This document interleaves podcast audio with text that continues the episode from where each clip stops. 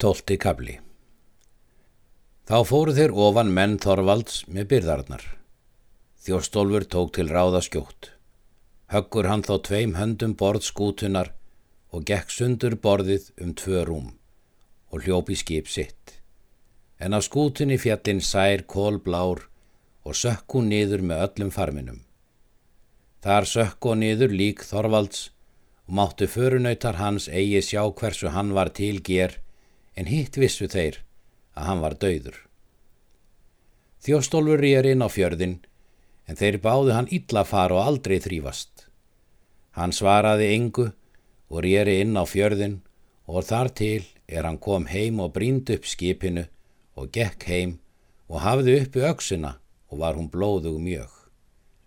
Hallgerður var út og mælti. Blóðug er auks þín. Hvað hefur þú unnið? Nú hefi ég það að gert, segir hann, að þú munt gefin veri annarsinn. Dauðan segir þú mér Þorvald þá, segir hún. Svo er, sagði hann, og sjá þú nú nokkur dráð fyrir mér. Svo skal vera, sagði hún. Ég vil senda þig norður til Bjarnarfjörðar á Svans hól og mun Svanur taka við þér báðum höndum. Er hann svo mikill fyrir sér að þángað sækir þið engi. Hann söðlaði hestir að náttu og steig á bak og reið norður til Bjarnarfjörðar á Svans hól og tók Svanur við honum báðum höndum og spurði hann að tíðindum. En þjóstólfur segir honum Víg Þorvalds með þeim atburðum er orðið höfðu. Svanur mælti. Slíkt kalla ég menn er eigi láta sér allt í augu vaksa að gera og mun ég því heita þér ef þeir sækja því hingað að þeir skulu fá af því hennar mestu svíverðing. Nú er þar til máls að taka, er hallgerður er, að hún kvatti til ferðar með sér ljót hinn svarta frænda sinn og bað hann söðla hest herra og vilja ríða heim til föður míns. Hann bjó ferð þeirra. Hún gekk til kistna sinna og lauk upp og let kalla til sín alla heimamenn sína og gaf þeim nokkur að gjöf öllum en þeir hörmuðu hana allir. Nú reið hún þar til er hún kom á höskuldstaði og tók fadir hennar við henni vel því að hann hafði eigi spurt tíðindin. Höskuldur mælti til hattgerðar. Hví fór eigi Þorvaldur með þér? Hún svaraði. Dauður er hann. Höskuldur mælti. Þjóstólfur mun því valda. Hún sagði svo vera. Höskuldur mælti.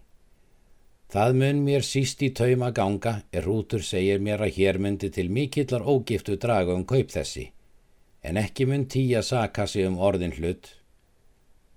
Nú er þar til máls að taka er förunautar Þorvaldseru að þeir byðu til þessir skip koma að landi.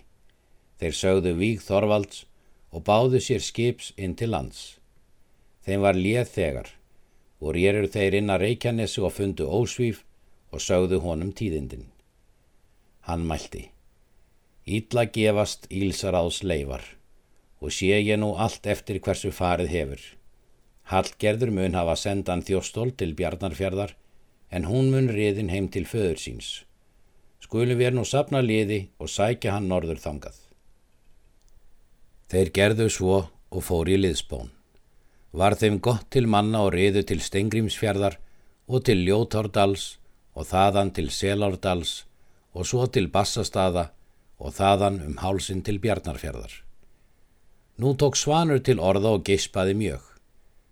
Nú sækja að fylgjur ósvífurs. Þá spratt þjóstólfur upp og tók aksi sína. Svanur mælti. Gakk þú út með mér, lítils mun við þurfa. Síðan gengu þeir út báðir. Svanur tók geitskinn eitt og veifði því yfir höfuð sér og mælti verði þoka og verði skrýpi og undur öllum þeim er eftir þér sækja. Nú er frá því að segja þeir ríða á hálsin ósvífur og hans förunautar. Þá kom þoka mikil í mót þeim. Ósvífur meldi. Þessu mun svanur valda og væri vel ef eigi fyldi meira ílt. Littlu síðar brá svo miklum sorta fyrir augu þeim að þeir sáu ekki og fjallu þeir þá að baki og tíndu hestónum og gengu í fen ofan sjálfur en sumir í skógin svo að þeim hjælt við meiðingar. Þeir töpuðu af sér vopnunum. Þá mælti ósýfur.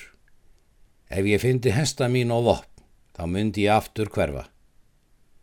Og er hann hafði þetta mælt, þá sáu þeir nokkuð og fundu hesta sína og vopn.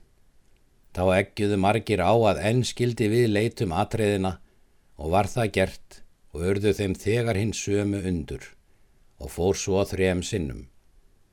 Þá mælti ósýfur. Þó að förin sé eigi góð, þá skal þó nú aftur hverfa. Nú skulum við gera ráðvort í annan stað og hef ég það helst í hug mér að fara og finna höskuld föður hallgerðar og beida hann sonar bóta, því að þar er sæmdar von sem nóg er til.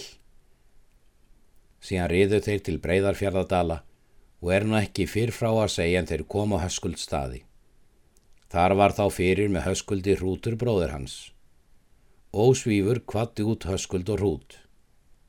Þeir gengu út báðir og heilsuðu ósvífri en síðan gengu þeir á tal.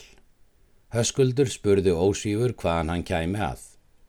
Hann hvaðist hafa farið að leita þjóstóls og fundið hann eigi. Höskuldur hvaðan komin myndu norður á Svansól og er það eigi allra manna að sækja hann þangað. Því er ég hér komin sagði ósvífur, að ég vil beigða þig sonar bóta.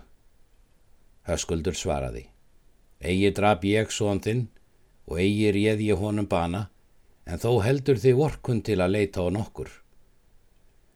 Rútur mælti, náið er bróðir, nef augum og er nöðsin að drepa niður íllu orði og bæta honum són sinn og rífka svo ráð fyrir dóttur þinni er sá eitt til að þetta orðtak falli niður sem skjótast, því að þá er betur að hér sé fátt til talað. Höskuldur mælti. Vilt þú þá gerum málið? Það vil ég, segir Rútur, og mun ég ekki hlýfa þér í gerðinni, því að ef satt skal tala, þá hefur dóttir þín ráðið honum banan. Þá setti Höskuld reyr rauðan og mælti ekki nokkura hríð. Síðan stóðan upp og mælti til ósíðurs. Vilt þú nú handsala mér nýður fallað sökinni? Ósýður stóð upp og mælti. Egi er það jafnsætti að bróðir þinn ger um, en þó hefur þú svo vel til lægið hrútur að ég trúi þér vel til málsins. Síðan tók hann í hönd höskuldi og sættust þeir svo á málið að hrútur skildi gera og lúk upp gerðinni áður ósýfur færi heim. Síðan gerði hrútur og mælti.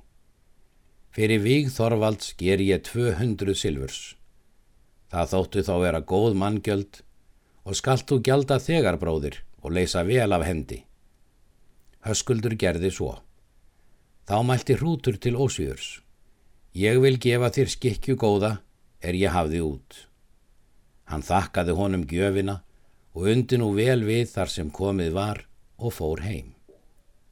Littlu síðar komuð þeir þannug hrútur og höskuldur og skiptu fjöð því sem þar stóð saman og örðu þeir ósvífur á það vel sáttir og fóru heimið fjöð og er nú ósvífur úr sögunni.